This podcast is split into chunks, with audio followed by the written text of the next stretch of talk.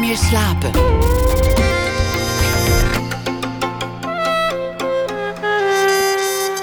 Met Elvie Tromp. Welkom bij Nooit meer slapen. In 1973 verscheen de roman Hotel Moederland. Het zegt u waarschijnlijk niets en dat is zonde. Hij is geschreven door de Turkse schrijver Yusuf Atugan. En het roman en de schrijver raakten de afgelopen jaren wat in de vergetelheid. Maar daar gaan wij verandering in brengen. Met onze podcastserie Lees Days halen wij onterecht vergeten klassiekers uit de onvergetelijkheid. Ja, dat klopt. En komend hier tegenover zit tegenover mij dus tot een uur of half twee Pauline Kalker. Het is 4 mei, het zal u vast niet ontgaan zijn.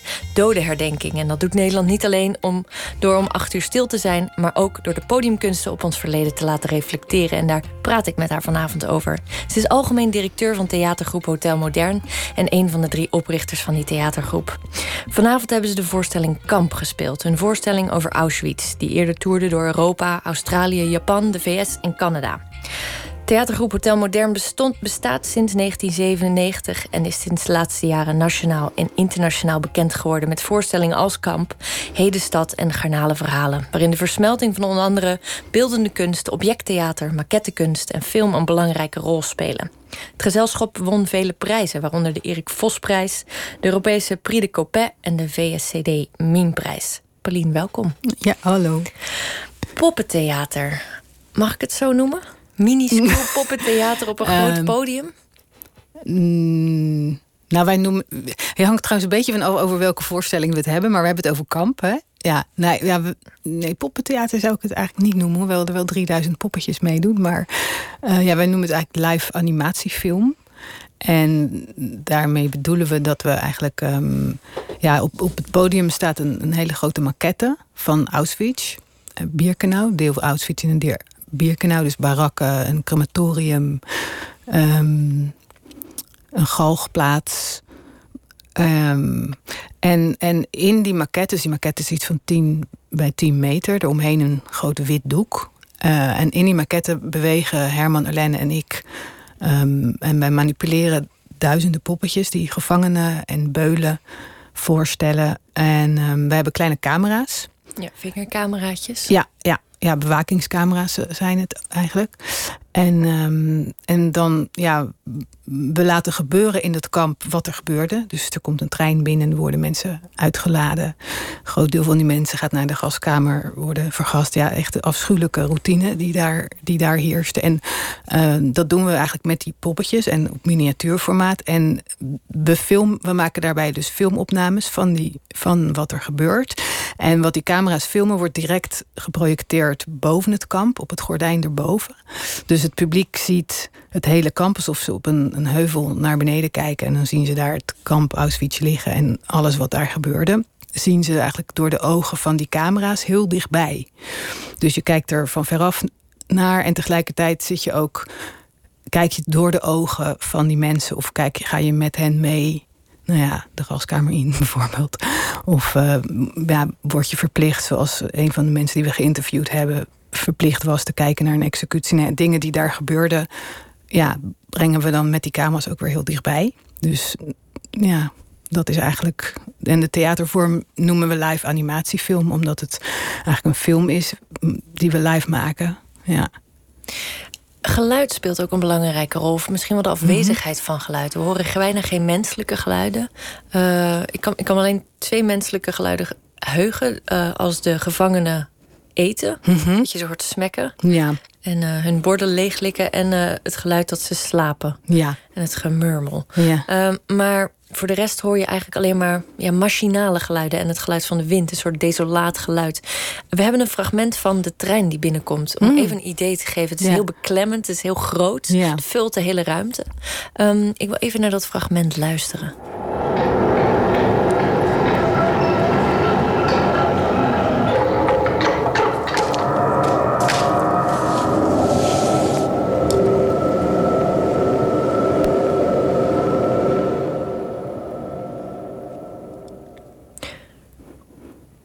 Hoe kom je aan die insteek? Dat, waar kies je van dit moet er wel in zo'n voorstelling, dit niet? Het is zo'n groot project. Er zijn zoveel verhalen te vertellen als je over zoiets eh, groots gaat eh, ja. vertellen. Ehm, Nou, het, het, het begon eigenlijk dat we. ehm, mijn man die een kunstenaar, eh, die doet ook mee, Herman Helle. En hij, hij, toen ik hem leerde kennen, eh, maakte hij maquettes, hele bijzondere maquettes. Hij begon bij Rem Koolhaas bijvoorbeeld en maakte die echt hele ja, kunstzinnige maquettes. En ik was eh, theatermaker, actrice toen ik hem leerde kennen. En ik dacht, het lijkt me heel gaaf om met hem samen te werken. En ik had met uh, Arlene Hotel Modern opgericht. En toen dacht ik van, hé, hey, we gaan met Hermans maquettes gaan we in het theater brengen.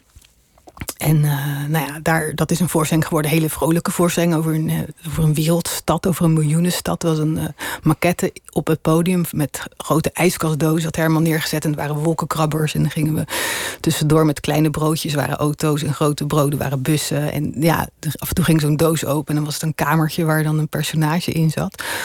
En dat was eigenlijk onze eerste samenwerking. Dus uh, en toen heeft Herman een camera gekocht en die ging dan maquettes uh, filmen. En, en ja, dat zag er ook heel erg goed uit. Toen kreeg hij het idee van... hé, hey, dan gaan we daar een voorstelling over de Eerste Wereldoorlog mee maken. En dat is toen onze eerste live animatiefilm geworden. Grote Oorlog, over de Eerste Wereldoorlog.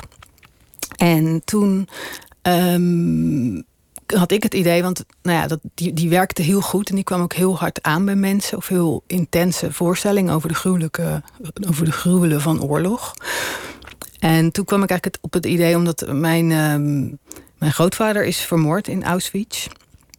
En dus ja, de Tweede Wereldoorlog was echt, ja, heeft gewoon een hele grote invloed op mijn uh, familie gehad, natuurlijk sowieso, want die is voor een groot deel ook uitgemoord. Maar um, ja, toen dacht ik, ja, nu wil ik ook over die oorlog wat maken. En, en met het idee van, dat kunnen wij. Want we kunnen, we kunnen met maquettes iets doen. We kunnen de Eerste Wereldoorlog verbeelden. Dan kunnen we dit ook. En toen zijn we, ja, eigenlijk met Herman Allen en ik samen... het, concept gaan bedenken van hoe, hoe dan. En toen kwam van, ja, dat moet dan Auschwitz zijn. Want daar is mijn grootvader uh, ver, uh, ver, ja, vermoord.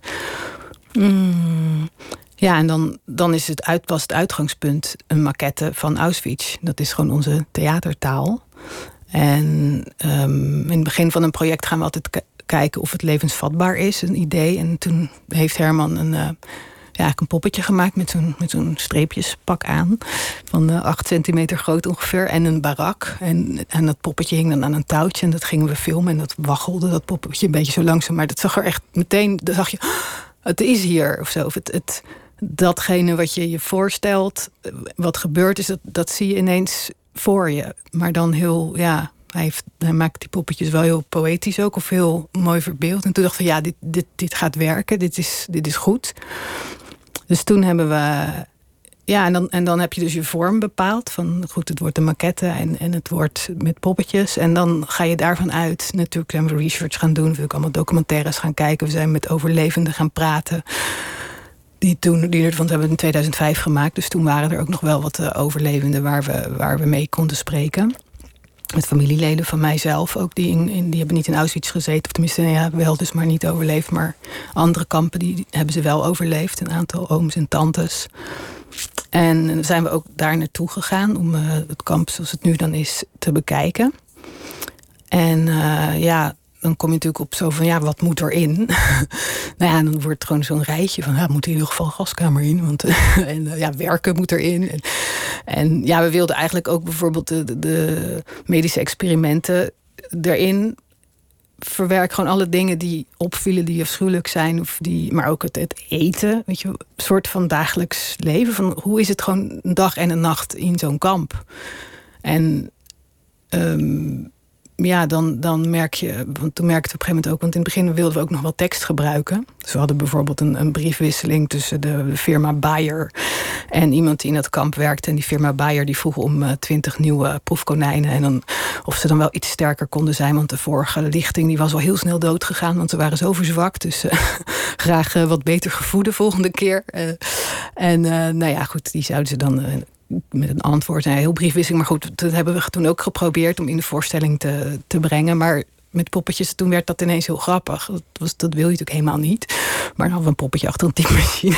die dan zo'n brief aan het typen was. Nou maar dat, dat werkt, was gewoon te grappig. Dus toen merkte ik van nee, dat, wil, dat kan niet. En die poppetjes hebben zelf heel veel zeggingskracht. Ze hebben hele ja, sprekende gezichtjes. Hele heftige, intense uitdrukkingen op hun gezicht. En toen merkte we gewoon nee, maar die kracht van die poppetjes is gewoon hoe ze zijn. En om in dat kamp te zijn, dat is, dat is genoeg. En taal, dat maakt dat kapot. Dus ja, dan heb je gewoon de restrictie ontdekt. Want het is ook gewoon een zoektocht. Als je een voorstelling maakt van wat, wat werkt, wat werkt niet. En wat niet werkt, moet je gewoon niet doen. En tekst werkte niet. Dus dan krijg je ook een restrictie. Oké, dingen die je niet met. Die je, kan je eigenlijk alleen maar dingen laten zien die zonder tekst te begrijpen zijn. Maar ja, en nu moet ik wel de essentie bewaren. Want het was natuurlijk en een slavenkamp in eerste instantie en een, en een vernietigingsmachine.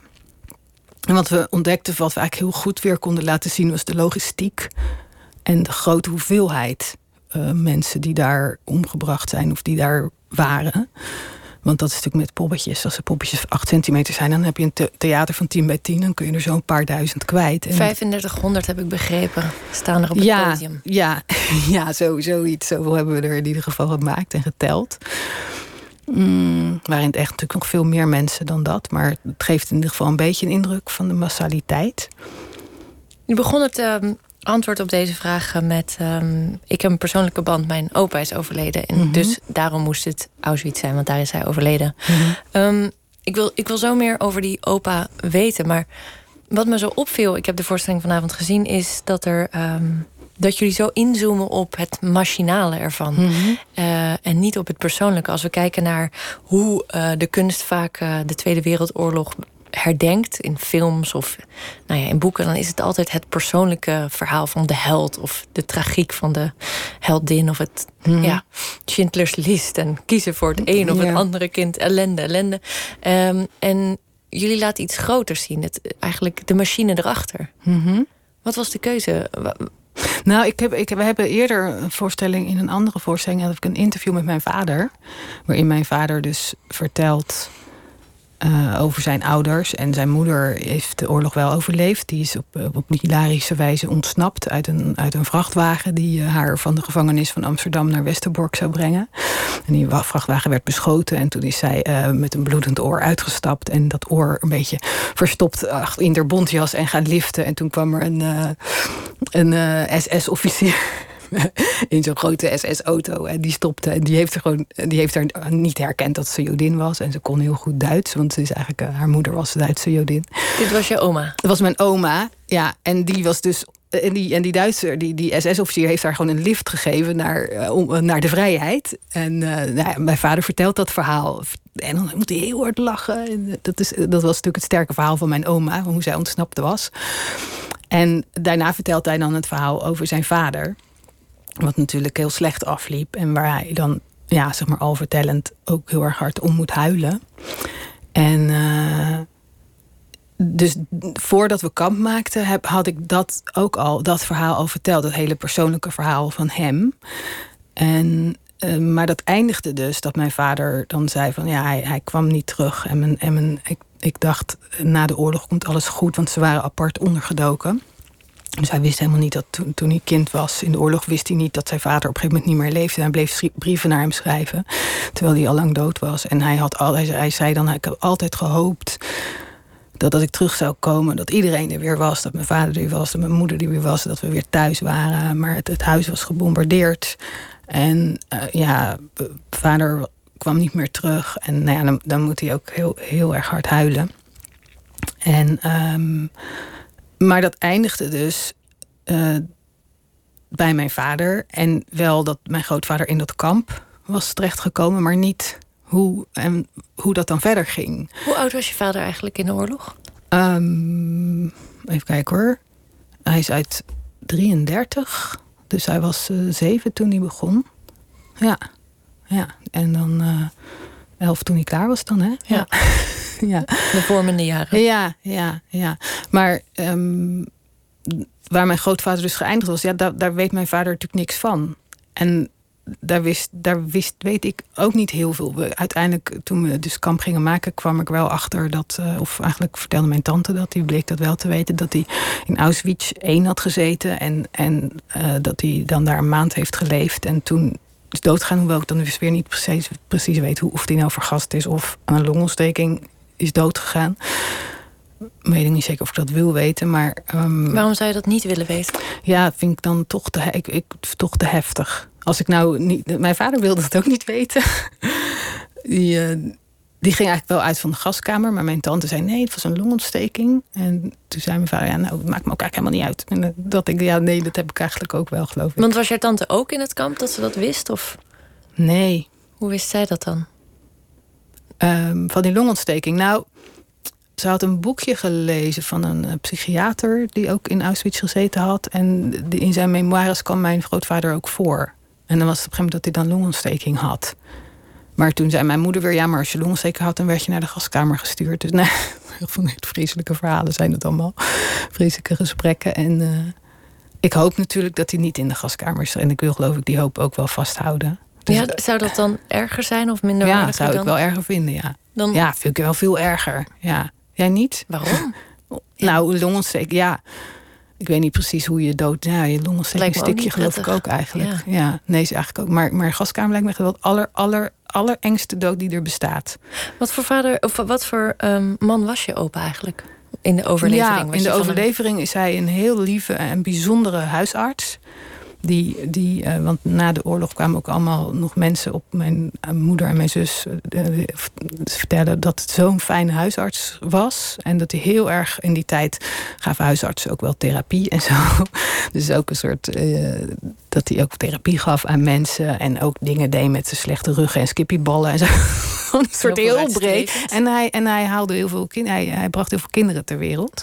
Daar had hij ook. En hij, hij schreef gedichten.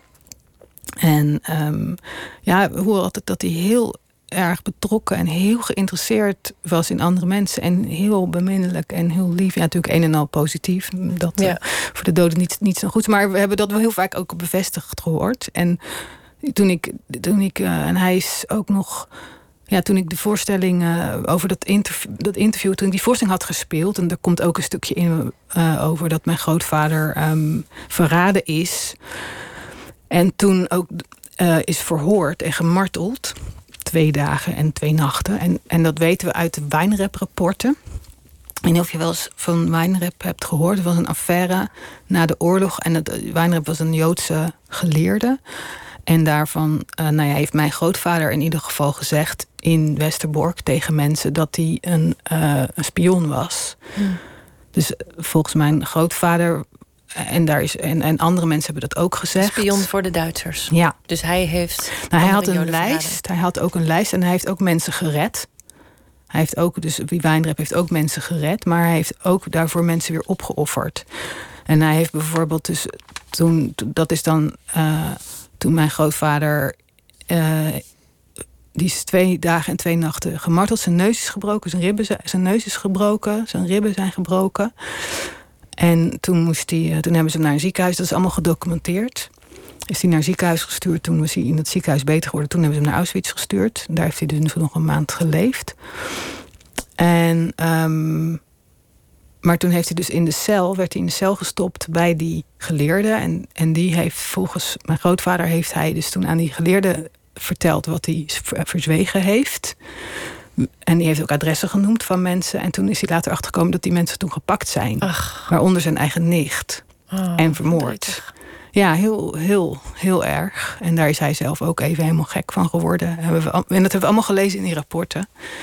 Dus dat, dus dat weet ik er dan ook nog van. En, en toen heb ik later, dat kwam dus ook in, het, in, in die voorstelling terecht. En toen kwam er een vrouw naar mij toe, jonge vrouw, en die, die is medisch ehm, historica. En die zei van ja, maar jouw grootvader die was gelieerd aan verzet. En ik weet niet of die echt in het verzet zat, maar in ieder geval eh, had je het Eng Engelandspiel. Dat was dat er dan verzetsmensen in Engeland werden opgeleid. En, die kreeg, en daar was een lijst gevonden met zijn naam erop. Dat die verzetsmensen zich dan tot hem moesten wenden. Dus hij heeft daar in ieder geval ook nog een rol in gestuurd. Maar daar kwam ik eigenlijk achter. Doordat ik een voorstelling over hem had gemaakt. En dat iemand die zag en zei: hé, hey, maar dit, dit verhaal ken ik. En dat is die kalker en die staat op die lijst. En ja, grootvader ja, had met dat verzet dan te maken. Dus dat weet ik nu, nu dus ook. Dus was ook nog eens een held. ja. Maar ja, ik vind het echt heel erg. Ja, ik heb een hem zelf held. Ja. nooit gekend. Zijn, Ja. er, zijn er fragmenten uit zijn leven nu in deze voorstelling van Kamp terechtgekomen? Nee. Denk je wel eens aan hem als je hem speelt? Nee, niet, bij- niet. Ja, ja, zeker wel. Van tevoren ook. Ja. En het is ook wel dat ik hem, ik denk ik, eh, een beetje gezocht heb daarin. En dat was ook wel een beetje een desillusie toen ik hem had gemaakt. Dat ik dacht, oh, het helpt helemaal niet. Want wat hoop je dat het op zou lossen? Ja, ik denk heel kinderachtig dat je dan hoopt dat je hem alsnog kan redden of zo. Ja, heel raar of zoiets. Ik weet niet. Of, of, um, ja, of, of, of, of hem een, een ik heb ook wel eens gedacht, ja, het is eigenlijk ook een soort begrafenis voor hem. Of uh, er zijn natuurlijk al die mensen die daar zomaar die ovens in gestopt zijn. Die hebben natuurlijk überhaupt nooit een begrafenis. Joden mogen niet eens verbrand worden, die moeten begraven worden. Maar die hebben dus niet eens een begrafenis gehad. Hij dus ook niet. Dat ik ook wel eens heb gedacht, nee, eigenlijk is het voor een soort begrafenis. Maar ja, ik denk dat het eigenlijk nog naïver is. Dat je dan eigenlijk hoopt dat als je daar naartoe gaat in je fantasie, dat je dan um, alsnog, ja, weet ik eigenlijk niet, dat verzin ik nu. Nou, ik vind ik iedere dag weer een andere verklaring. Ik weet niet. Ik vind het wel mooi dat je dat zegt. Want ik zat ook naar jullie te kijken. Jullie zijn ook in uh, grijze kleding uh, gehuld. Um, en jullie laten die poppetjes elkaar nou ja, vermoorden, wegbrengen, mm -hmm. bewegen. En um, ik dacht ook ineens, jullie, jullie zijn de goden. Ja. Die alles uh, in beweging zetten. Ja. Nou, vond het ook ineens een grote Griekse tragedie. Ja. Nee, dat zijn we ons wel van bewust. Maar ik, ja, ik geloof niet in, in goden, maar het zijn helaas toch gewoon mensen die het doen. Of, uh, er is geen grotere kracht. Nee, dat geloof ik Het is nou gewoon niet. menselijke vergeetheid. Uh, ja. ja, lijkt me wel, ja. ja. Ik heb begrepen dat Maar jullie... je mag het er wel in zien. En het is ook wel iets wat we... Ja, wat ik... ik in sommige scènes speel ik ook eigenlijk voor mijn gevoel SS'er. En in sommige scènes speel ik... Uh, het is ook maar welk poppetje natuurlijk je vasthoudt. En... Um, soms als ik daar rondloop, dan ben ik inderdaad, voel ik mezelf meer een soort SS'er die dat kamp aan het regelen is. En soms voel ik me ook ja, meer, meer slachtoffer die daar ook um, speel ik ook een poppetje vast die dan de gaskamer ingaat. Dan, dan identificeer ik me met dat poppetje. En uiteindelijk, soms dan probeer ik me ook te ontfermen over de doden. En, en voor de doden te zorgen. En dat, dat heb ik wel, als ik de hele voorstelling doe, is het ook wel een poging om uh, voor de doden te zorgen. Op een of andere manier. Of om ze aandacht te geven. Maar de desillusie is dat ik weet van ja, maar ze, zij weten niet eens dat dit gebeurt. Zij weten niet eens dat het ontdekt is, dat het allemaal gebeurd is. Dus dan ben ik daar ook weer heel bitter over. Hoe ga je daar zelf mee om? Um, nou, er zit een hele bittere. Ja, die bitterheid lijkt me best giftig, ja. Uh, er zit natuurlijk ook iets in ja, die maar Die zou toch eigenlijk iedereen moeten hebben? Want het Ja. is toch niet alleen voor mij erg dat dit Nee. gebeurd is? Nou, veel overlevers die hebben natuurlijk zo'n blik op de toekomst en die spraken er niet meer over. We moeten vooruit. Mhm. Maar door het erover te hebben, enerzijds is dat heilzaam, maar anderzijds is het natuurlijk ook inderdaad. Blijven pulken aan een wond. Ja, ik begrijp heel goed dat mensen er niet over wilden praten. Want ehm, ja, je- vanuit hen kan je het beter maar het doosje dicht doen. En eh, ja, je, dat, je weet dat wel. En als je, ik snap wel goed als je erover praat dat het eh, dan weer heel veel pijn gaat doen. En dat je dat maar beter kan inkapselen. Ja. Ja. Ik heb begrepen dat jullie hem eh, niet vaker dan tien keer achter elkaar spelen. Klopt dat? Ja, maar als het per se zou moeten, zou het wel doen hoor. Maar ehm, het is wel. Het, het- het- we hebben natuurlijk getoerd ermee. Toen hebben we er wel 30 gedaan. Of Ja, want jullie 40. spelen hem sinds 2005 Ja, elk en, jaar. en op een gegeven moment wa- was het gewoon te veel. Want het, dan, dan, toen kwam ik er ook niet meer uit. Dan was het echt gewoon niet leuk dat dit, dat dit mijn werkelijkheid altijd was. en dan, eh, dan, dan, eh, ja, dan, moet, dan moet het gewoon niet te veel. Maar nu, nu, zeg maar, zo een aantal keer per jaar is het weer, juist weer heel waardevol. Om, omdat het gebeurd is. En dan, dan moet het er ook gewoon weer zijn. En dan moeten mensen dat zien, vind, Ja. vind ik. Je kunt niet heel het jaar door rouwen. Nee. Nee. Nee, of, of een soort boodschapper zijn van, eh, van het kwaad. Nee, Ja. ik snap het. Ehm, het is ook niet heel het jaar kerst, helaas. Dat zou ook niet leuk zijn. nee. Nou, kerst nou niet zo. eh. Ehm, je, je speelt de voorstelling sinds 2005. Heb je sindsdien ehm, scènes aangepast of verwijderd of veranderd? Of... Mm, nee. En hoe is, de, hoe is de receptie van het publiek? Is die veranderd over de jaren heen? Of... Ehm, nou ja, eigenlijk, eigenlijk niet. Je had natuurlijk in het begin, in het begin 2005 waren er nog wel overlevenden in leven. Die, ook, eh, die we ook hadden geïnterviewd en die kwamen kijken. En die ja, ons heel erg dankbaar waren. Wat ik heel belangrijk en fijn vond. Dus dat waren, dat zijn echt hele mooie herinneringen aan, aan de overlevenden. Die, ja, die dan, de vrouw die dan zei: Oh, maar zo was het echt. En die dan nog drie keer terugkwam met steeds andere mensen. Aan, om het aan haar familie te kunnen laten zien. En die echt helemaal opgetogen was dat ze het op deze manier kon delen. En uh, ja, dat was, dat, ja, die mensen leven natuurlijk nu niet meer. Dus dat, dat is een groot verschil. Maar verder is het, ja, maar dat speelt natuurlijk ook in verschillende landen. Is het per land soms ook een beetje anders. Ik kan me ook voorstellen dat je bent dan een deel van je familie verloren. En van je eigen familiegeschiedenis. Maar het brengt ook een verbondenheid met andere mensen, met het publiek. En mhm. hun verhalen. Mhm, Klopt dat of is dat... Nou, ik, ik, ik heb daar ook wel naar gezocht. Ijdele hoop. Nou, ik ben zelf, mijn moeder is niet Joods, dus ik ben ook niet Joods. Dus ik dacht ook, oh, mag ik dit verhaal eigenlijk wel vertellen? Want ik wil het niet afpakken van de mensen die wel echt Joods zijn. een beetje raar eigenlijk, want het was wel mijn opa. Maar, um, dus ik, ik, ik heb eigenlijk best weinig mensen met wie ik het echt kan delen. Want ik ken ook eigenlijk heel weinig Joden. Behalve mijn eigen familie dan. Maar ja, zoveel zijn dat er dan ook weer niet aan die kant van de familie. Um, dus ik, ik vond het wel heel fijn om het te doen, om ook mensen te ontmoeten. Die, uh, ja, bijvoorbeeld in Canada een, een, vrouw, en het was dan weer een, een dochter van een uh, overlevende, uh, haar, haar, moeder. En ja, het was voor haar ook heel fijn om de voorstelling te zien, maar haar moeder heeft dus zelfmoord gepleegd toen, is toch aan die trauma's uiteindelijk ten onder gegaan. En, maar ze heeft wel dus haar dochter nog gebaard, die dan dus de voorstelling heeft gezien, waardoor ze toch weer dichter bij haar moeder kwam. En, en dat begreep, ja, begreep ik gewoon heel erg goed. En ja, dat vind ik wel hele mooie ontmoetingen. En in, in, in Budapest bijvoorbeeld, ja, zit dus die scène in van die bergen.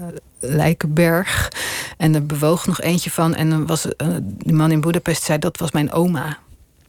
En dat vond ik ook zo ja, dat was zijn oma? Ja, want zijn, zijn oma was, had zo'n vergassing overleefd. Soms gingen mensen niet helemaal dood. En dan gingen ze uiteindelijk, bleef ze nog een paar dagen leven of zo tussen de lijken. En dat is dus met zijn oma gebeurd. Oh, verschrikkelijk. We moeten er nu heel even uit voor het nieuws. Want fijne verhalen, hè? Ja, de realiteit die dringt. Ja. Uh, en uh, nou ja, we spreken straks verder met Pauline Kalker hier in de studio. Over haar voorstelling Kamp. En dan nu, tijd voor het nieuws.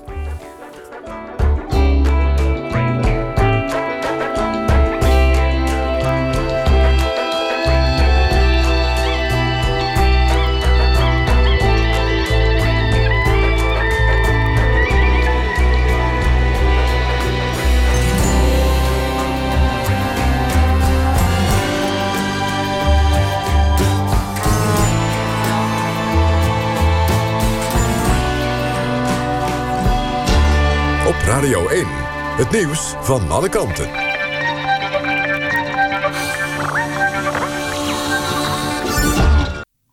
Het is 1 uur, Wouter Walgemoed met het NOS Journaal. In Wageningen is om middernacht het bevrijdingsvuur aangestoken. Daarmee is de viering van Bevrijdingsdag officieel begonnen. Het vuur werd naar Wageningen gebracht door een Engelse veteraan... die bij de bevrijding van Nederland betrokken was. Honderden lopers hebben een fakkel in het vuur gehouden... en brengen het verder naar verschillende gemeenten in het land. Vandaag zijn er ook 14 bevrijdingsfestivals... waar onder andere DJ Velle Le Grand, rapper Ronnie Flex... en de band My Baby optreden. Zij zijn dit jaar de ambassadeurs van de vrijheid. Noord-Korea heeft de klok een half uur naar voren gezet... en loopt nu weer gelijk met Zuid-Korea. De aanpassing werd al aangekondigd na de top tussen leider Kim Jong-un... en de Zuid-Koreaanse president Moon... Noord-Korea voerde in 2015 een eigen tijd in... toen het land steeds meer onder vuur kwam te liggen... vanwege zijn kernwapenplannen. De Amerikaanse president Trump zegt dat er een datum en locatie zijn... voor zijn ontmoeting met Kim Jong-un. Details gaf hij niet. De Zuid-Koreaanse president Moon komt 22 mei naar Washington... om de top te bespreken. Bij nieuwe confrontaties tussen Palestijnse betogers en het Israëlische leger... zijn volgens de autoriteiten in Gaza meer dan 400 Palestijnen gewond geraakt. Zo'n 7000 Palestijnen hadden zich volgens het Israëlische leger aan de grens verzameld. Ze gooiden met stenen en rolden brandende autobanden naar het hek dat op de grens staat. Het leger gebruikte onder meer traangas om de demonstranten te verjagen. Op de Londense luchthaven Heathrow heeft de douane 50 krokodillen onderschept. De reptielen van zo'n halve meter lang kwamen mee met een vlucht uit Maleisië. Ze zaten met z'n tienen in dozen gepropt... waar er eigenlijk maar vier in konden. Eén krokodil heeft de reis niet overleefd. Het weer, het is helder vannacht. De temperatuur daalt naar 8 tot 3 graden. Lokaal kan het aan de grond vriezen en kan er ook wat mist ontstaan. Overdag is er veel zon bij 19 tot lokaal 23 graden. Dit was het NWS Journaal. NPO Radio 1. VPRO. Nooit meer slapen.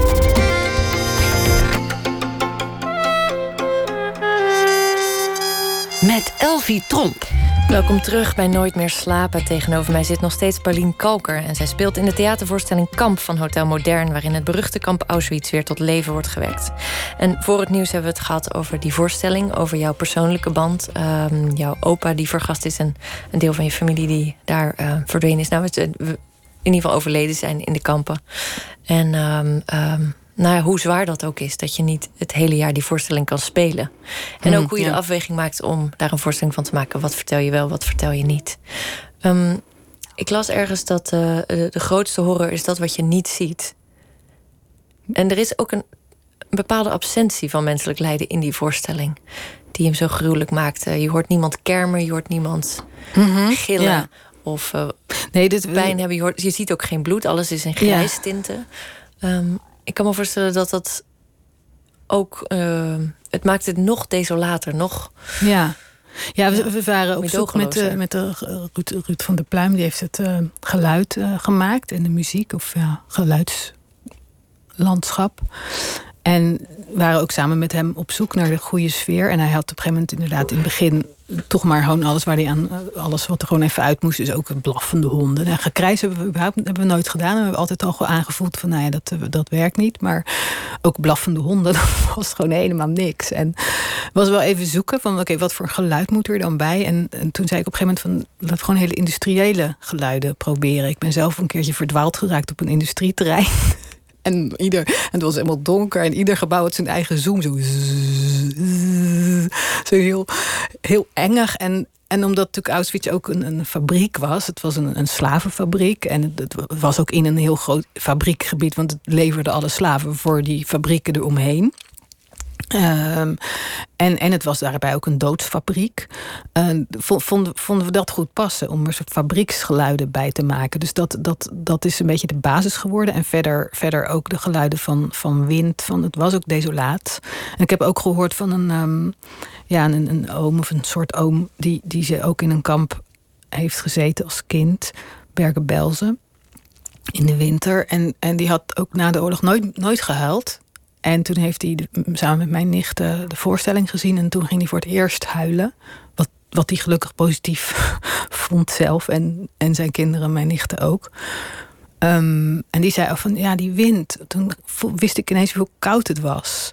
En toen kwam dat terug. En, en dat bracht hem weer bij die herinnering. En weer ja, in contact met zichzelf van toen. En dus de, ja, de koude van de wind, wat zomers natuurlijk weer heel heet was. Maar Um, en er zitten ook geluiden van zwaluwen. Die, die hebben wij zelf in Auschwitz, toen we daar waren, opgenomen. Dus ik dacht, ja, die natuur ging gewoon door. Dus die zwaluwen die, die wij daar hebben opgenomen... dat waren misschien wel afstammelingen van de zwaluwen die er toen ook vlogen. En kikkers, want ja, de as gooiden ze in, in soort moerassen... waar heel veel kikkers waren. En toen wij daar waren, hoorden we ook kikkers. Dus ja, het begint en het eindigt ook met het geluid van kikkers... van al de as die daartussen is terechtgekomen. En, um, en in, in, het, in, uh, in de rails bijvoorbeeld zitten kleine contactmicrofoons. En die, het geluid wat jullie net gehoord hebben, dat, dat is dus het geluid van die kleine Merklin-trein eigenlijk. Maar dan het geluid wat hij daadwerkelijk maakt, maar dan ja, vervormd en vertraagd. Om, toch wel dat gevoel eraan te geven wat, wat mensen erbij hadden. Van, mijn oom heeft in, in Westerbork gezeten en die zei iedere dinsdag ging daar de trein weg de trein naar Auschwitz. En dat iedereen dinsdag dacht: moet ik mee, moet ik mee? En dan nou helemaal, hij dus hoefde nooit mee. Dus helemaal blij dat hij niet mee hoefde, iedere keer weer. Ja, dus toch meer het gevoel van de dingen in geluid. Dus de, de, de kou en de, ja, de eenzaamheid die mensen gevoeld moeten hebben. Zoals we ons dat voorstellen, weet je natuurlijk niet precies. Maar nee. dat, dat erin gelegd. En we hebben bijvoorbeeld ook ja, met teksten geprobeerd niet alleen die mengelen, maar ook we hebben ook gehoord dat vrouwen bijvoorbeeld of mensen um, recepten aan elkaar vertelden omdat ze zo'n honger hadden. Dat we dan heel erg veel over eten gingen praten en dan elkaar recepten gingen uitwisselen. Dus dat gingen we ook nog uitproberen van twee poppetjes die dan over recepten hadden. En, maar ja, dat, dat, ja, het werkte ook gewoon niet. Dus we hebben gewoon gekozen voor ja, wat we het best vonden werken. En dat was toch eigenlijk verschillende vormen van stilte. En industriële zoomen. En, en ook het geluid van die ovenkarretjes. Waarin mensen in de oven werden geduwd.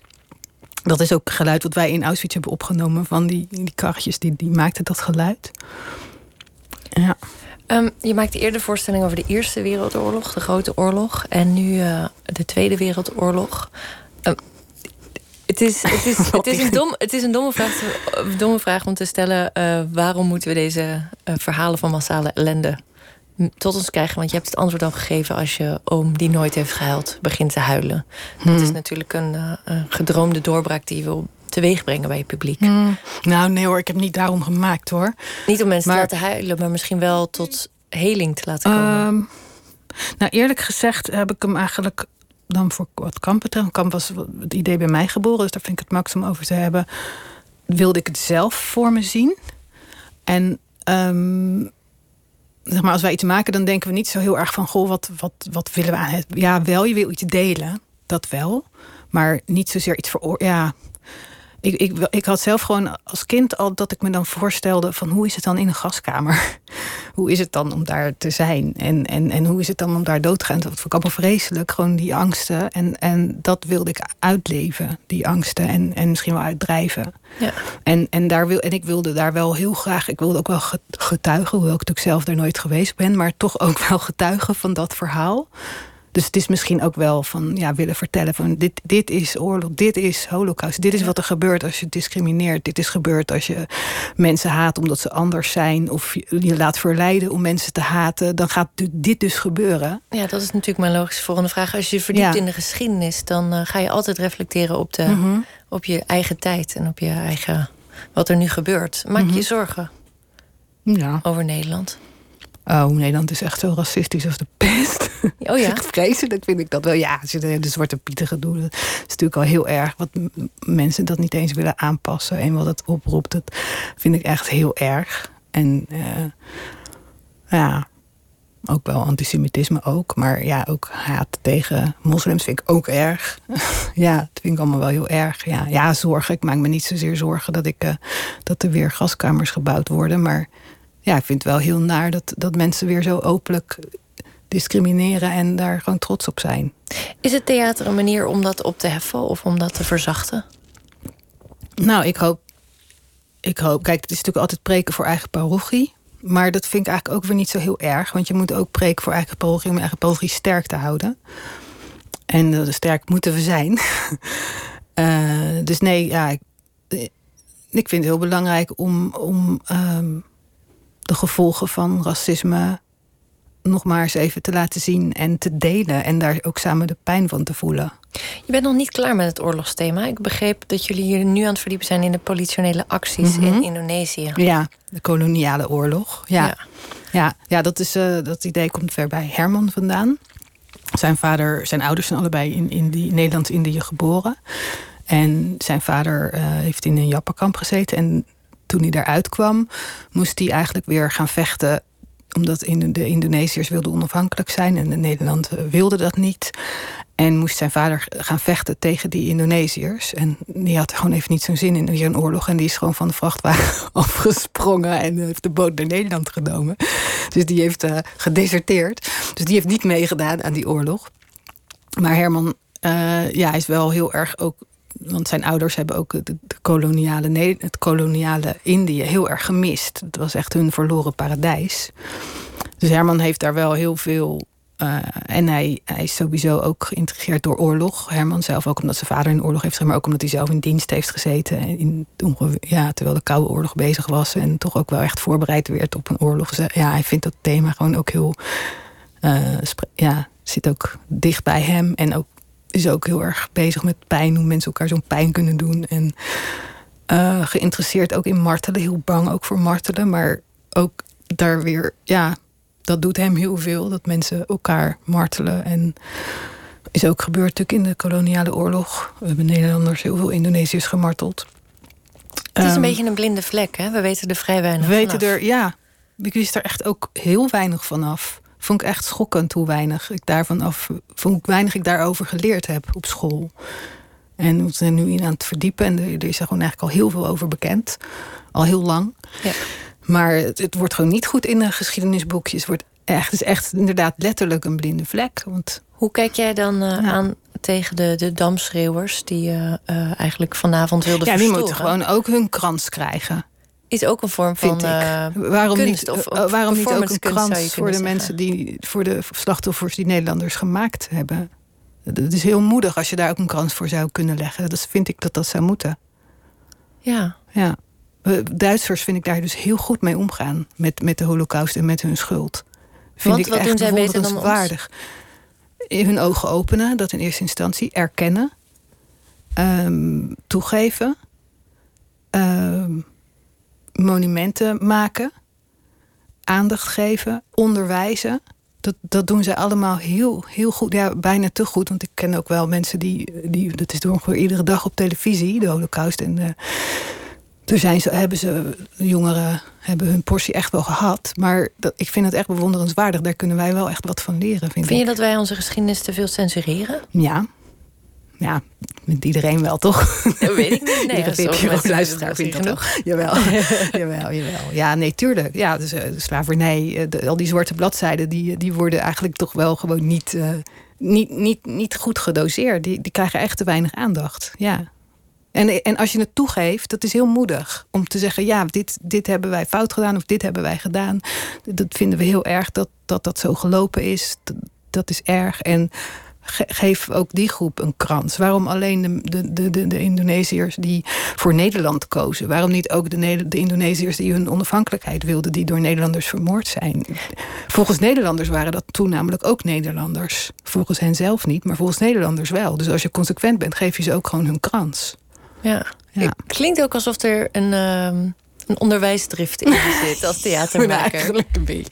Ja, hoewel ik dat echt... Dat, dat mensen die onze voorstelling zien, vinden dat gelukkig niet. Want we zijn altijd, nee, we willen niet educatief zijn. En als we zeggen, een beetje educatief, bedoelen we het ook negatief. Maar het is wel een voorstelling voor alle leeftijden. Ik kan ook mijn, mijn nichtje van vier meenemen. Die, Naar kamp. die snapt het ook, ja. Nou, nee, snapt ze niet, want dan ziet ze douches. En dan weet je gelukkig niet wat erin gebeurt. Dus je moet wel een beetje voorkennis hebben. Ja, oké. Okay. Vanaf twaalf ja, dan. Ja, maar wel moet. Moet, we gaan het ook voor jongeren wel doen. Ja, nee, ik, ik, ja, wel een beetje zendingsdrift, maar ja. de voorstelling zelf mag niet educatief. Het is ook een, wel kunst. Ik wil, ik wil het even ja. hebben over het gebruik van poppen op het theater. Even weg van het politieke. Um, hoe kan het dat het poppentheater, dat is misschien uh, uh, oneerbiedig gezegd, uh, zo goed zich leent voor duistere, gruwelijke beelden op het podium?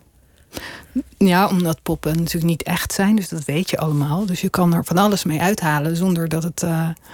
Ja, en toch, en toch voel je het. Ja. Als iemand geëlektrocuteerd wordt of opgehangen. Ja, maar als je een echt mens opgehangen zou zien worden, denk ik. Nou, daar keken mensen in de middeleeuwen ook, ook graag naar. En in sommige landen ook nog steeds. Nog steeds, ja. Ja, nee, dus misschien, uh, misschien is het helemaal niet waar wat ik zeg. Maar ik vind het zelf in ieder geval fijner om naar een opgehangen poppetje te kijken. Dan, uh, ja, ik, ik zou een executie uh, nooit willen bijwonen. Ik word echt ook al misselijk als ik, als ik eraan denk. Of je hebt wel eens van die documentaires over die executie in Amerika, waar ook nog eens heel veel onschuldige mensen worden geëxecuteerd. Kan ik helemaal niet tegen. Maar ja, met poppetjes kan je het vertellen. Zonder dat je dus echt naar lijken hoeft te kijken. En dat is ook fijner voor die mensen die, die dood zijn. Want ik zou zelf niet dood getoond willen worden. En, is het onerbiedig om, ja. om oorlogsfotografie nou, uh, te, te tonen? Dat weet ik niet. Want dat, nee, dat vind ik niet. Maar um, nee, dat, nee, dat vind ik niet. Ik vind ook wel dat die foto's, dat, dat zijn ook wel echte bewijzen. Nou, hoewel dat eigenlijk tegenwoordig ook niet meer zo is. En vroeger misschien ook niet eens. Maar um, nee, ik ben niet tegen oorlogsfotografie eigenlijk. Maar bijvoorbeeld dat die beelden van al die dode mensen die... Eh, waar de voorstelling, aan het eind van de voorstelling zie je al die dode al die lijken, die uitgemergelde, wat mensen inderdaad kennen ook van filmbeelden. Echt stapelen, bijna veestapels van ja. mensen, ja. Ja.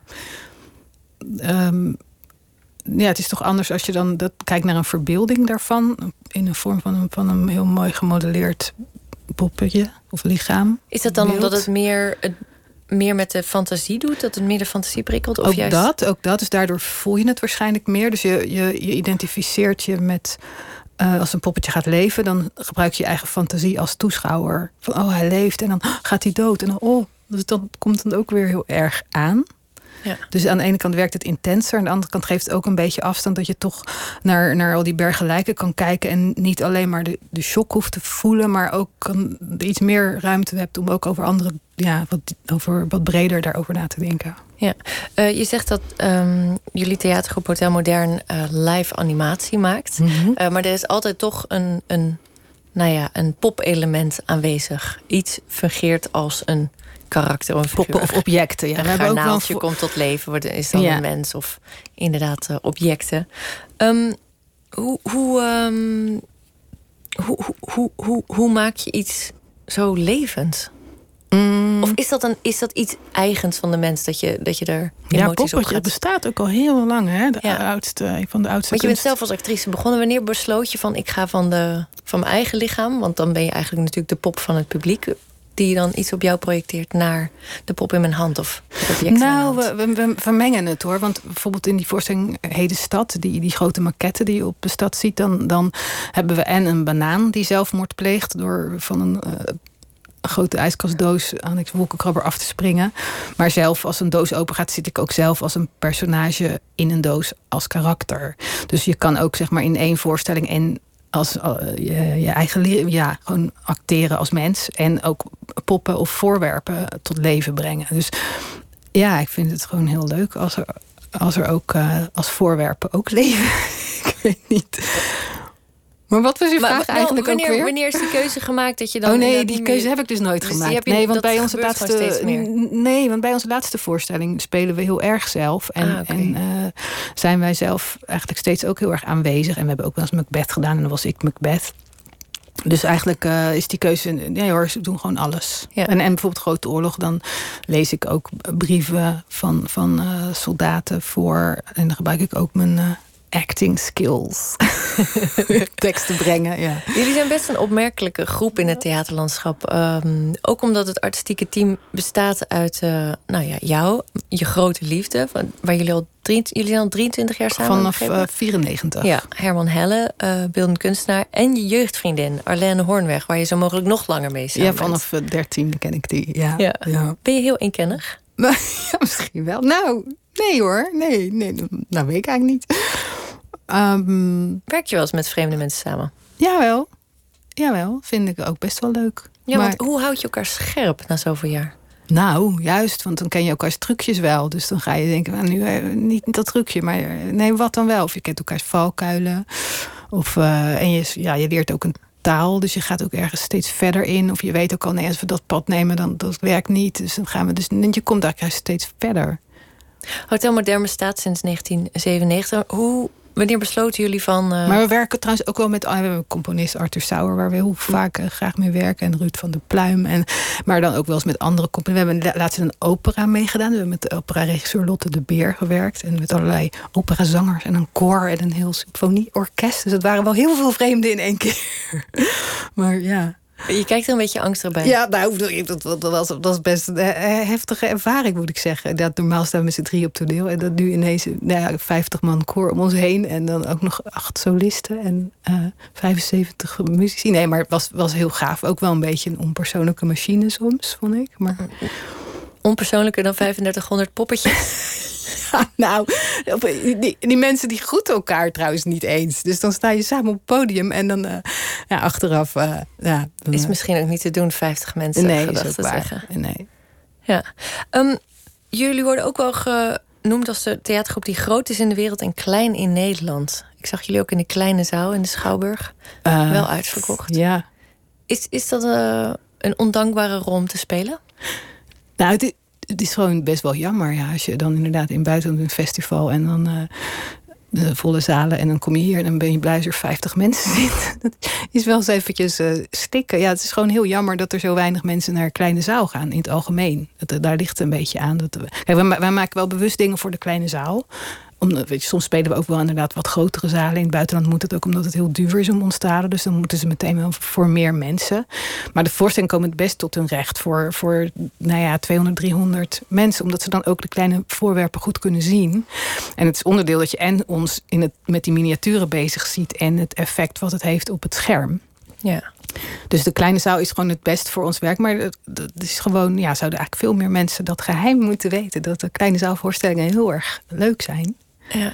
En ik hoop gewoon dat daar, ja, daar ligt het volgens mij een beetje aan. Het ligt niet aan het objecttheater of het feit dat mensen dat misschien. Nou, weet ik eigenlijk een vooroordeel hebben daarover. Ja. Nou, nee, weet ik niet. De Grote Oorlog liep trouwens altijd wel heel erg goed door. En, en Kamp ook.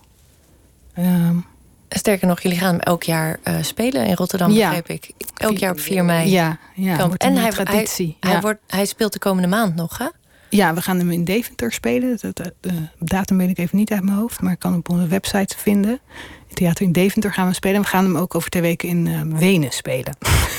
Zoals iemand zin heeft in een zaggertort, dan moet hij gewoon naar Wenen komen en ook nog even kamp zien. Dat lijkt me een fantastisch. En we gaan hem ook nog wel weer toeren hoor. Maar we hebben nog even geen daad voor. Ja, maar we hebben hem ook uh, ja, in Zwitserland gespeeld. We hebben natuurlijk in New York en in Tokio en in Canada gespeeld. Ja, het is uh, wel heel bijzonder om mee te maken. Ja. En de voorstelling over de politionele acties, wanneer kunnen we die verwachten?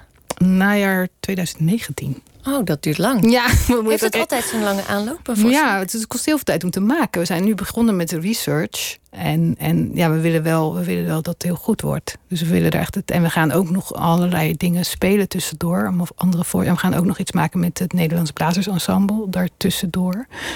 Symmetries of zoiets heet dat. Ja, ook, wordt ook vast heel mooi. Maar dus we gaan nog andere dingen doen ook. Uh, maar ja, tegen die tijd willen we dat wel echt af hebben. Wat me ook heel gezond lijkt. Pauline, mag ik je bedanken voor het gesprek en je komst naar de studio. En voor een prachtige voorstelling. Dank je. En wij gaan... Nooit meer slapen. Op 7 mei wordt de Libris Literatuurprijs uitgereikt. Nooit meer slapen is daarbij en we praten die avond een uur lang met de winnaar van de Libris. Maar de komende dagen stellen we de genomineerden alvast aan u voor. We hebben zes ambassadeurs gevonden die een goed woordje doen voor hun favoriete boek. En vanavond is dat Ellen ten Damme die uh, nou ja, de lofzang steekt over uh, Peaches, een romance van Ilja Leonhard Vijver.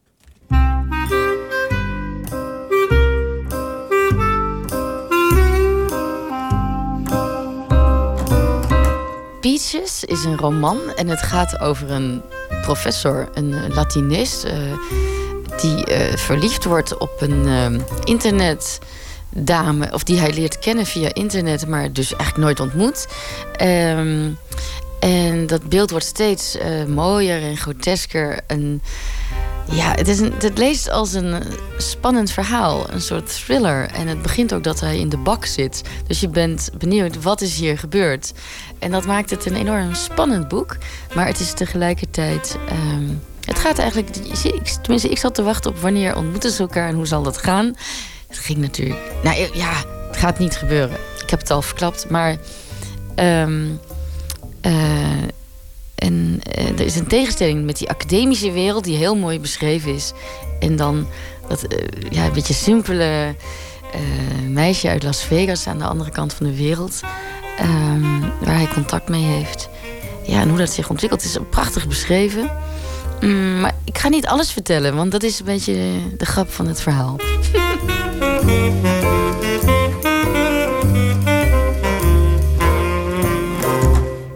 boek uh, beschrijft en passant geweldige filosofieën over het geloof, bijvoorbeeld. Uh, dat het eigenlijk helemaal niet toe doet. Of eigenlijk hoe absurder het is, God is. En hoe afstandelijker, hoe beter het is om erin te geloven. En het is misschien voor liefde ook wel zo. Uh, je moet erin geloven. Dan komt het. het maakt niet uit of het echt is of waar. Of, uh, ja, ik, ik, ik persoonlijk geloof bijna niks. Dus ik ben uh, behoorlijk cynisch. ook over de liefde. Dat ik denk, ja, oké, okay, wie is er nou leuk na zes jaar of zo? Dan denk ik van, nou, dat, dat vind ik moeilijk om te geloven. Maar jij als cynicus kan dus wel genieten van zo'n ultiem romantisch boek. Ja, natuurlijk. Uh, ik denk dat uh, weinig mensen zijn die daar niet naar verlangen. Naar, een, naar romantiek in het leven. Ik ook. Um, ja. Dus ik vind het een, een, meestelijk boek die daarmee speelt. Met, um, met die wens. En um, ja, je gaat er ook helemaal in mee. Maar je voelt ook al meteen vanaf het begin natuurlijk... want die man eh, in de gevangenis zit blijkbaar. En ja, het noodlot ligt overal uh, op de loer. Je weet maar wat. Dat, uh, ja, dat is uh, tot het einde spannend. Je kent Ilja Vijver goed. herken je hem ook in het boek? Ja, zeker. Tenminste, ik denk hem te herkennen in bepaalde opzichten. Ja, het is een klassicus, de hoofdpersoon. Um, uh, ik ken ook uh, zijn nieuwe vriendin. Uh, dat is heel persoonlijk, maar ik, ik, ik, ja, ik meen zeker aspecten uit zijn leven hier weer spiegel te zien. Maar hij gebruikt het op een hele andere manier. Maar het zit er zeker in. Dat, dat vermoed ik wel. Ilja Leonard Vijver schrijft ook regelmatig uh, muziekteksten voor jou. Uh, welk nummer uh, is toepasselijk bij dit boek? Nou, er is één nummer heel erg toepasselijk van de laatste CD Alles Draait. Dat heet Verona van der Leur. En dat is een turnster, topturnster geweest vroeger... die een carrière move heeft gemaakt, om het zo maar te noemen... naar pornoster of webcam uh, girl. En uh, ja, een onbereikbare, hele mooie dame... die daar geld voor vraagt om naar haar te kijken... En uh, ik vond het grappig dat, dat Ilja met die naam kwam. Want we hadden het over turnen een keer. Dat, ik ben namelijk ook turnster geweest vroeger om daar iets mee te doen in, in teksten en dingen. En toen kwam hij meteen met die naam. Het zou nog wel eens uh, iets te maken kunnen hebben met het boek Peaches. Ik vond het vrij frappant. Ja.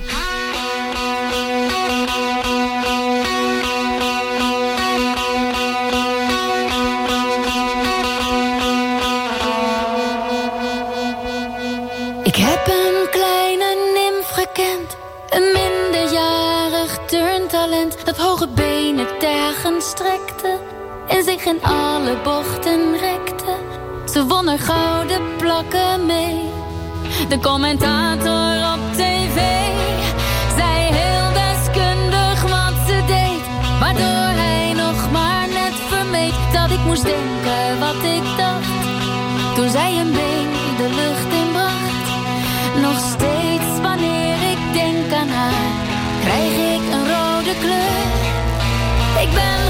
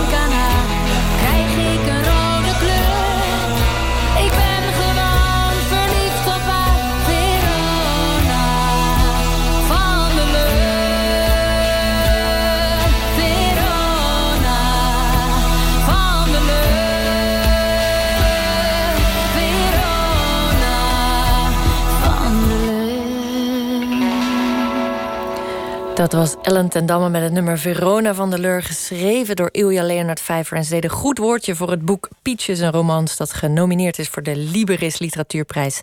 En maandag horen we of hij het gewonnen heeft. En de winnaar zit dan bij ons in de studio. Nooit meer slapen. Het Letterenfonds zet zich samen met boekhandels en uitgeverijen in om vergeten auteurs terug de schijnwerpers in te krijgen. In de aflevering van vandaag van Lees Deze staat de Turkse schrijver Yusuf Altuga centraal en zijn boek Hotel Moederland.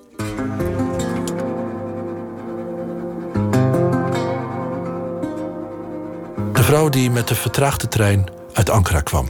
Een jaar of 26. Tamelijk lang. Volle boezem. Zwarte haren en ogen. Lange wimpers. Licht geëpileerde wenkbrauwen. Een spitse neus en dunne lippen. Een strak, donker gezicht. Welkom bij Lees Deze, de podcast over vergeten meesterwerken uit de internationale literatuur. Ik ben Anton de Goede en dit keer duiken we in de Turkse literatuur. En gaat het over schrijver Yusuf Atılgan, van wie het afgelopen jaar in Nederlandse vertaling de roman Hotel Moederland is uitgekomen. Yusuf Atılgan, een schrijver, geboren in 1921, gestorven in 1989. En dat boek, Hotel Moederland, verscheen in 1973. In Turkije dus, waar nu allerlei griezelige politieke ontwikkelingen gaande zijn. We komen daar straks nog over te spreken. Verder, wat vertelt het boek over Turkije? Wat maakt het sterk? Wie gaan we horen? Vertaalster Hanneke van der Heijden. Ja, ik vind het heel erg knap om in zo'n kort bestek zo'n enorm indringende wereld te schetsen. De van oorsprong Turkse schrijver Murat Işık. Ik was zelf als lezer nou ja, op een gegeven moment zelfs geschokt door wat er gebeurt. En uitgever Jurgen Maas. Wat het leven zinvol maakt, dat vind je in deze boeken. Aan vertaalster Hanneke van der Heijden allereerst de vraag... Yusuf Atılgan. Eerlijk gezegd hadden wij nog nooit van hem gehoord. Wie was hij? Hij is auteur, hij is ook inmiddels heel uh, bekend in uh, Turkije... maar het is iemand die eigenlijk maar weinig gepubliceerd heeft. Uh, er zijn twee romans van hem uitgekomen. En een derde, daar was hij aan bezig toen hij stierf. Die is later postuum nog verschenen. Onvoltooid dus. En verder heeft hij dan nog een, een dunne bundel met korte verhalen uitgebracht... en nog een kinderboek. Je schrijft in het nawoord... Hotel Moederland heeft de literatuur in Turkije veranderd. In welk opzicht? Ja, uh, nou ik denk uh, alle twee zijn uh, boeken wel. Alle twee zijn romans. Dus Hotel Moederland en ook zijn debuut is uitgekomen als De Lanterfanter in Nederland. Um, ja, waarom het de Turkse literatuur zo veranderd heeft... Ik denk omdat Yusuf Atılgan wel een van de eerste Turkse schrijvers was... die keek naar de gevolgen van alle maatschappelijke uh, omwentelingen die, uh, die plaatsvonden in zijn tijd, maar ook daarvoor. Hè, dus uh, rond de stichting van de Republiek Turkije. En die is gesticht in 1923. En hij keek als een van de eerste literaire auteurs naar de gevolgen van die omwentelingen voor individuen.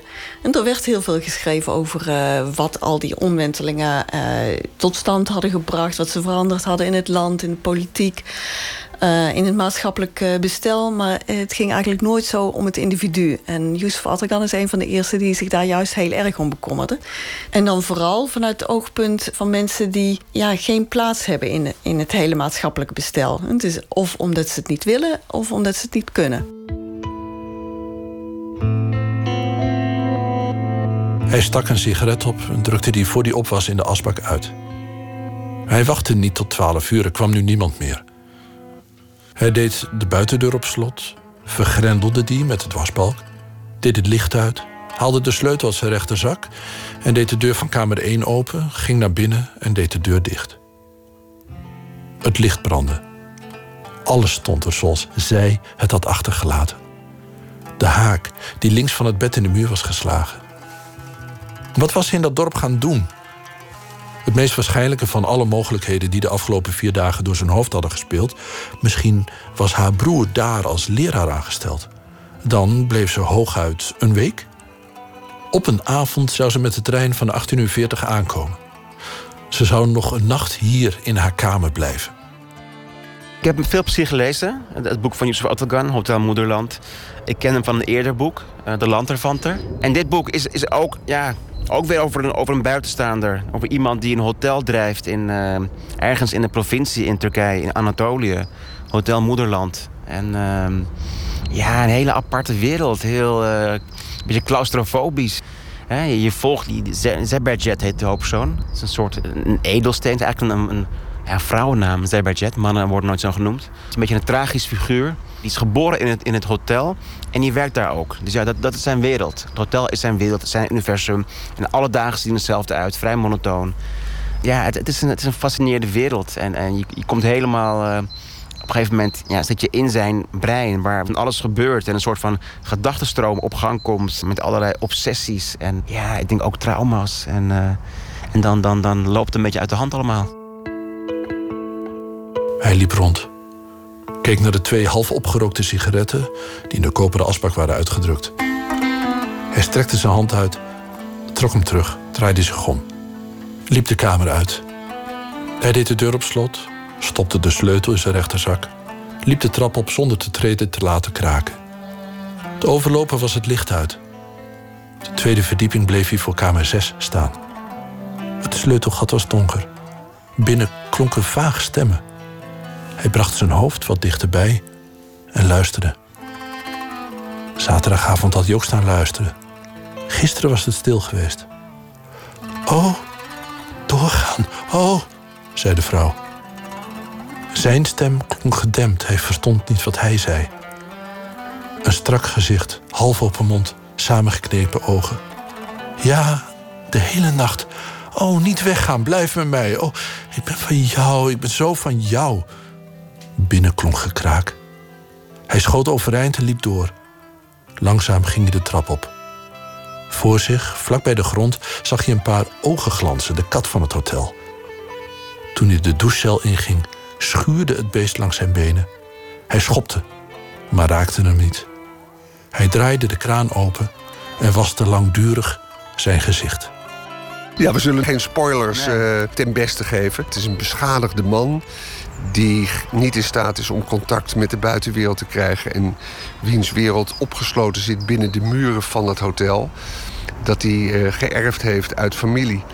Um, het vertelt eigenlijk weinig over Turkije. Het vertelt niet heel veel over Turkije, maar tussen de regels door kun je wel hier en daar uh, lezen hoe het is om te leven in een uh, provinciestad in, uh, in Turkije, hè? In, in, in Anatolië. Ja, wat, wat natuurlijk heel anders is dan in, in Istanbul of Izmir, hè? de westkust. En ook anders dan Ankara. Wat bijvoorbeeld een, een scène in het boek vindt een hanengevecht plaats.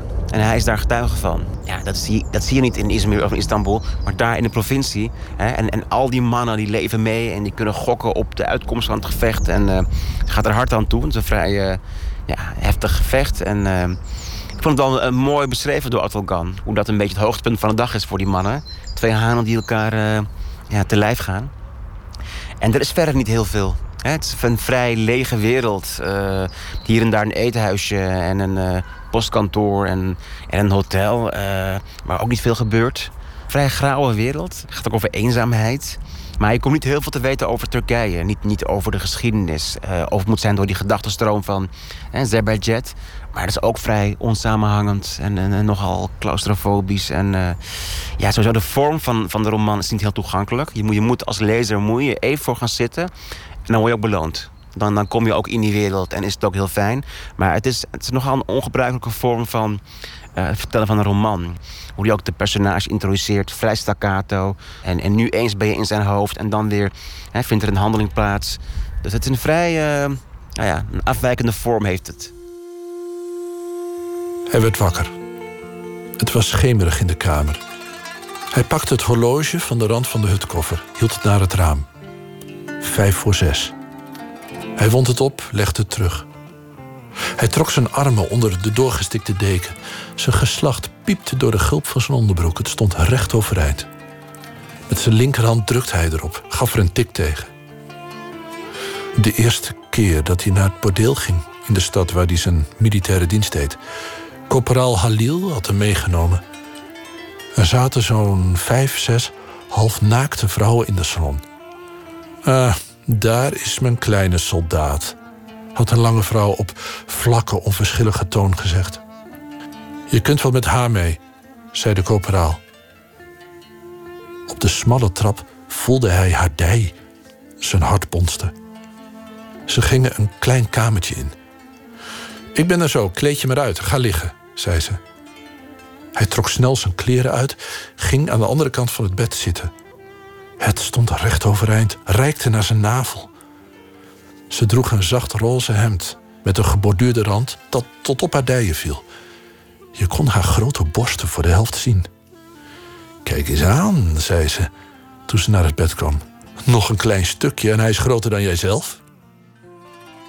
Het is te lezen als uh, het verhaal van de, ja, de, neergang van een individu, van een, uh, een hotelklerk. Een, uh, een, man die ook geboren is in het hotel, wat hij nou zo'n beetje in zijn eentje nog draaiend moet zien te houden. Dus het hotel is niet alleen zijn, zijn werkkring, maar is tegelijkertijd ook zijn, zijn huis. En die man is 33 jaar. Hij wordt eigenlijk een beetje beschreven als een heel ielig, een beetje onopvallend iemand. Ja, eigenlijk is zijn achtergrond... hij heeft iets te maken met een, een soort uh, ja, aristocratische Osmaanse familie... maar daar is hij dan weer een bastaardzoon van. Dus echt erbij horen doet hij uh, daar ook niet. Ja, je krijgt het idee als je het uh, boek leest... Hoe, hoe, verder je komt in het boek... die ja, met niemand eigenlijk echt contact heeft. Hij heeft ja, zijn familie heeft hij verder helemaal niet meer. de enige met wie hij in contact is zijn hotelgasten. Die worden ook steeds minder. En dan is er nog de werkster die het hotel schoon moet houden en, en de kat. Hij heeft eigenlijk geen enkel contact met, met andere mensen of zelfs maar met andere objecten. Terwijl hij daar wel, denk je, naar hunkert. Maar op de een of andere manier lukt dat steeds niet. En het wordt een, een, steeds grotere frustratie en het begint steeds meer te broeien. Um, hij, hij, doet nog een paar keer een soort wanhoopspoging. Nou ja, en uiteindelijk komt het tot een, een soort van explosie.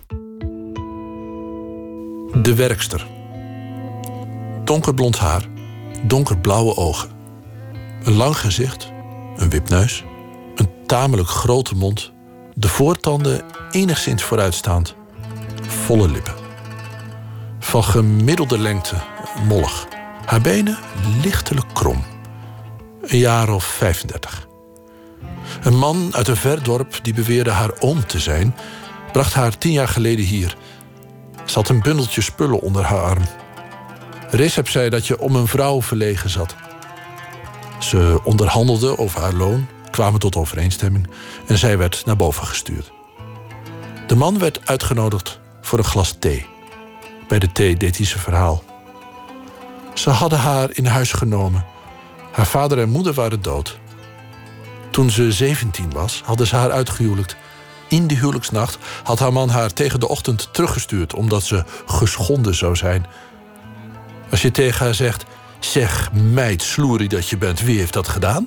Zegt ze: Ik weet niet. Meer krijg je er niet uit. We hebben er geslagen enzovoort, maar ik weet niet, echt niet. Dat is alles wat ze zegt. Wat weer wel opvalt, is dat hij eigenlijk op een ontzettende openhartige manier over seks schrijft ook. Waarvan ik zou denken, dat zal in Turkije in zijn tijd uh, best ingewikkeld zijn. Ja, ja, ik denk het wel inderdaad. Hij was toch al, ja, in, in zijn boek is hij vrij uh, uitgesproken. Seks, uh, geweld. Ik denk niet dat dat heel gebruikelijk was in die tijd om zo ja, open te schrijven. Zo echt, echt zonder censuur en, en hij laat het gebeuren. En Turkije ook in die tijd zeker was toch vrij conservatief, denk ik, op dat gebied. Dus hij, viel wel op op die manier. Ja, toch een beetje een vreemde eend in de bijt, Yusuf Atolgan. Ik denk ook wel in die zin een kleurrijk figuur. En, en, en iemand die toch wel, die toch maar deed. En niet bang was uh, voor, voor kritiek. Met Hanneke van der Heijden praat ik door over deze vertaling... en het literair vertalen uit het Turks in het algemeen. Klopt het dat dankzij haar nu dit boek er ligt? Ja, ik ben wel een van degenen die uh, tegen de uitgever uh, uh, Jurgen Maas heeft gezegd dat, ja, dat het mij belangrijk leek dat het in het Nederlands vertaald zou worden. Ja, want je bent de eerste die het ooit vertaald heeft in het Nederlands. Ja, er is eigenlijk nog niet zoveel vertaald uit Turkse literatuur. Dus het is heel makkelijk om de eerste te zijn die een, een boek heeft vertaald. En dus met vertaling uit het Turks eigenlijk nog niet zo dat we aan, al aan hervertalingen toe zijn. Omdat er nog zoveel is wat nog helemaal nooit in het Nederlands is verschenen. Wij hebben in Nederland hebben we het Letterenfonds... dat ook Nederlandse literatuur promoot in het buitenland. Je zou zeggen Erdogan en zijn mannen... die zo graag het nationalistisch erfgoed uh, verspreiden en uh, trots op zijn, die zouden daar misschien geld, geld in moeten pompen. Want dat gebeurt kennelijk helemaal niet. Uh, jawel, er is ja? een, ja, er is een subsidiefonds voor uitgevers. Dus uitgevers buiten Turkije die een, een boek, literair, dus literaire fictie, uh, uit het Turks willen laten vertalen... die uh, kunnen een aanvraag doen, een subsidieaanvraag. En precies zoals Nederland eigenlijk ook een subsidiefonds heeft... voor uitgevers in het buitenland die uh, Nederlandse literatuur willen laten vertalen. Wat grappig. En is dat fonds ook bij dit boek toeschietelijk geweest? Volgens mij wel, ja. ja. Nou ja, wat goed. Ja ik, ja, ik weet eigenlijk niet of Jurgen daar zo blij mee is. Want hij heeft inderdaad tot nu toe ehm, aanvragen gedaan dat maar niet uitzenden. Oké, okay, okay. ik zet hem nu uit. De vertaalster weet niet of uitgever Jurgen Maas wel blij is... als ze over de overheidssubsidie vanuit Turkije vertelt.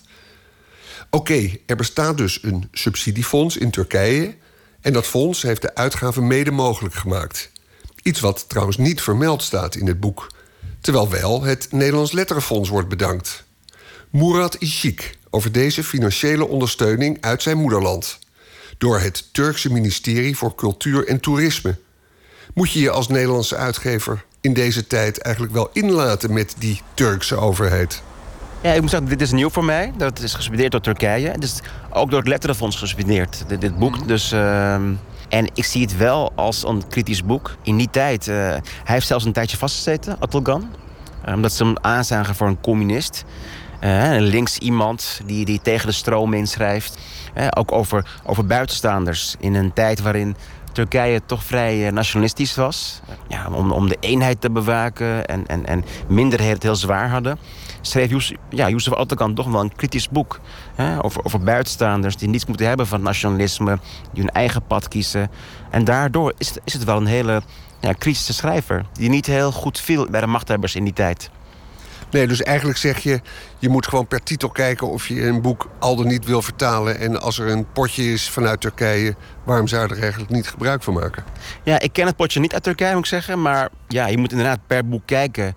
Uh, ja, wat heb je in handen en, en, en wat voor schrijver is het en, en waar gaat het boek over en, en lees het. En, en, en dit is inderdaad toch wel een kritisch boek. Het is woensdag 18 april 2018. En ik vraag Jurgen Maas, de uitgever van Hotel Moederland, of hij überhaupt als uitgever nog wel iets te zoeken heeft bij die Turkse overheid, gezien de ontwikkelingen in het land. Ja, nou, dat is een boeiende vraag. Maar allereerst, dit is natuurlijk geen nationalistische literatuur. Kijk, in Nederland kun je bij het Nederlands Letterenfonds... en dan nog een speciale afdeling, SWOP... Daar kun je subsidie krijgen als je klassiekers uitgeeft, uh, vertaald naar het Nederlands. En, um, althans, daar kun je aanvragen. Een van de voorwaarden is dat je eerst moet kijken in het land van herkomst. Of je daar geld uh, kunt halen. En in Turkije is het zo dat bij het Turkse ministerie van Cultuur er een afdeling is. Die heet TEDA. En die financiert vertalingen van Turkse auteurs naar het buitenland. En dan kun je geld aanvragen. Uh, dan moet je kiezen of voor de productiekosten of voor de vertaalkosten. En ik heb dus ook voor het eerste boek van Attogan dat ik heb uitgegeven, De Lanterfanter, uh, subsidie aangevraagd bij Terra. En uh, 50% gehonoreerd gekregen. En dan aanvullend uh, financiert het Nederlands Letterenfonds. Over wat voor bedragen gaat dat? Dat gaat volgens mij ongeveer over dat ik dacht dat de vertaalkosten tussen de vier, rond de 4.000, 5.000 euro waren. En dan heb ik 2.500 euro gekregen. Toen ik opnieuw een titel van Yusuf Atakan wilde gaan uitgeven... Hotel Moederland, uh, heb ik opnieuw subsidie aangevraagd bij TEDA. Alleen wat er toen gebeurde was dat er uh, de koep kwam tegen Erdogan. De echte koep, de uh, in scène gezette koep, dat weet ik allemaal niet. En TEDA vergaderde normaal gesproken twee keer per jaar, minimaal... maar kwam niet meer bij elkaar. Op het moment dat je subsidie aanvraagt trouwens bij Terra... doe je dat ook tegelijkertijd bij het letterenfonds, bij SWOP. Maar dan zet je dus in, ik heb dit bedrag aangevraagd bij, uh, bij Terra. Dat duurde zo lang in Turkije. Ik heb een paar keer gebeld. Uh, zeiden ze, we weten nog niet wanneer we gaan vergaderen. Gemaild, geen antwoord gekregen. En op een gegeven moment heb ik ze wel aan de telefoon gekregen... en gezegd, luister, dat boek dat komt eraan. Dat ga ik gewoon uitgeven. Jullie hebben nog geen beslissing genomen over die subsidie. Dat betekent dat uh, jullie niet genoemd zullen worden in het boek. Als ik het nu uitgeef, is dat problematisch. Want dat is in principe een van de voorwaarden. En uh, dat vonden zij niet problematisch. Dus toen heb ik dat boek uitgegeven... En, eh, maar ik zei dus ook, hè, eh, aangevraagd voordat de koeper was. En twee, drie maanden nadat het boek verscheen... dus ik denk begin dit jaar... eh, kreeg ik bericht van Tedda dat zij een deel van die, van die vertaalkosten... ik meen in dit geval 2200 euro, weer financieren. Het is alleen echter ook zo dat ik dus volgend jaar weer met een Turkse klassieker kom... van een dame... En eh, toen bedacht, ja, maar wacht eens even... wil ik nog wel geld gaan aanvragen bij TEDA? Want eh, Turkije, eh, veel schrijvers zitten vast. Veel journalisten, de persvrijheid is in feite niet meer... is monddood gemaakt. Ehm, wil ik wel geld aanvragen van een ministerie... van een dictatuur in wording? En ehm, dat vond ik een hele moeilijke vraag... omdat bijvoorbeeld eh, Orhan Pamuk... eh, in een fantastisch interview eh, bij de BBC, BBC Hard Talk... zei, luister... op dit moment is 51% voor Erdogan... ik citeer hem niet letterlijk, hè, en 49% niet van de Turken. En, eh, maar feit blijft, het is geld van een ministerie. Het is ook zo, wat ik begrepen heb... dat eh, de Europese Unie projecten die zij deden... culturele projecten die zij deden... samen met Turkse ministeries on hold hebben gezet. Nu heb ik dat niet helemaal uitgezocht. Ik heb dat ook voorgelegd bij het eh, Letterenfonds... van wat daarmee te doen. Het Letterenfonds heeft daar nog geen standpunt over ingenomen. Die discussie speelde namelijk ook rond Polen... Maar daar gaat het gewoon door qua aanvragen. En uh, ik heb eigenlijk voor mijzelf besloten om uh, voor dat boek dat gaat komen volgend jaar geen geld aan te vragen bij TEDA. Ik heb namelijk ook geprobeerd om erachter te komen of... Kijk, die, al die ministeries zijn gezuiverd. En ik kom er maar niet achter of TEDA is gezuiverd. Het zou wel een een argument kunnen zijn. Ik heb daarover uh, gemaild. Je bedoelt dat daar misschien mensen aan de kant zijn aan, Bewust gezet. aan de kant zijn gezet en door andere mensen zijn vervangen. Ik heb, daar, uh, ik heb een goed contact in Turkije, een, een literair agente. Maar die kon mij daar ook geen duidelijkheid over geven. Wat ook nog meespeelt is bijvoorbeeld dat... ik meen in begin jaren 2000, 2005... ik weet het niet precies meer, kan ook iets later zijn geweest... bijvoorbeeld een schrijver als Orhan Pamuk op dat moment politieke problemen had in Turkije... omdat hij de term Armeense genocide gebruikte. En er een, reële kans bestond op vervolging. Zijn werk werd gewoon vertaald naar andere landen... betaald vanuit een Turks ministerie. Dus wat is wijsheid? En ik denk dat als je twijfelt over iets... moet je het altijd doen. Maar nu niet. Dus uh, ik ga daar uh, nu geen geld aanvragen bij uh, TEDA. Als je twijfelt over iets, moet je het altijd ik, doen, ja, maar nu we, niet. Ja. Het is absoluut in tegenspraak met elkaar. Maar ik zeg altijd bij twijfel doen. maar ik, ik, ik weet nu te weinig. En als je te weinig weet, moet je het niet doen. Ja.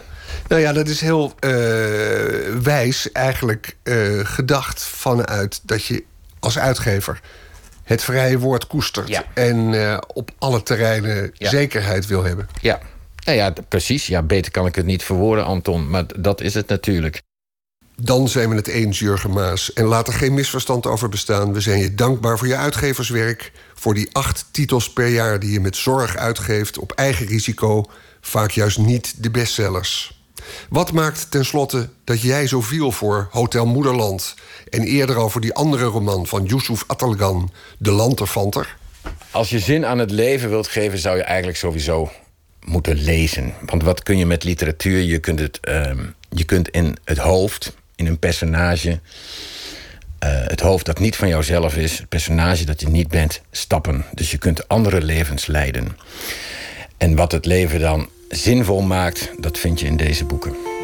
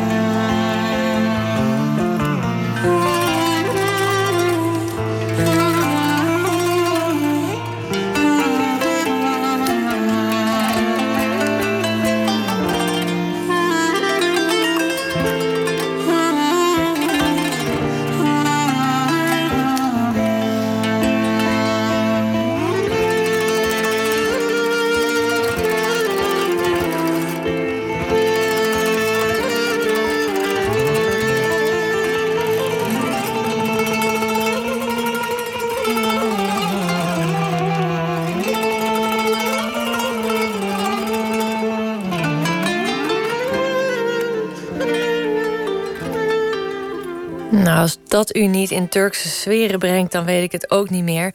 U hoorde Anton de Goede die uh, de loftrompet afstak over het boek Hotel Moederland van de Turkse schrijver Yusuf Atogan. Een roman uit 1973. En u hoorde een gesprek met vertaalster Hanneke van der Heijden, de schrijver Murat Isik en uitgever Jurgen Maas.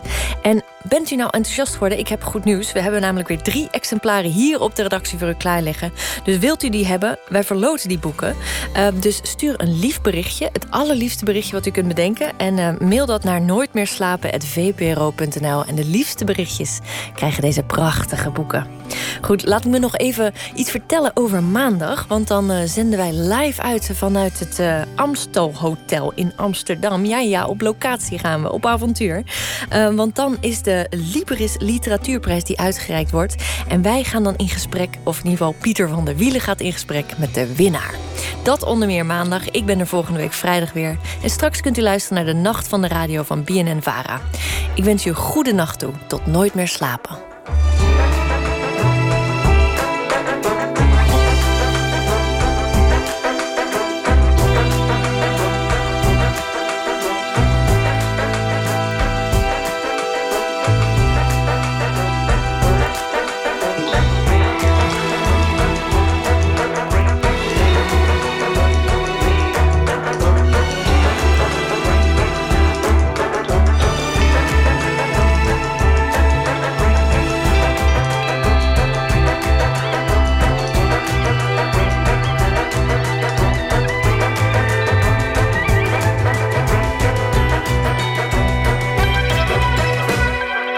Radio 1.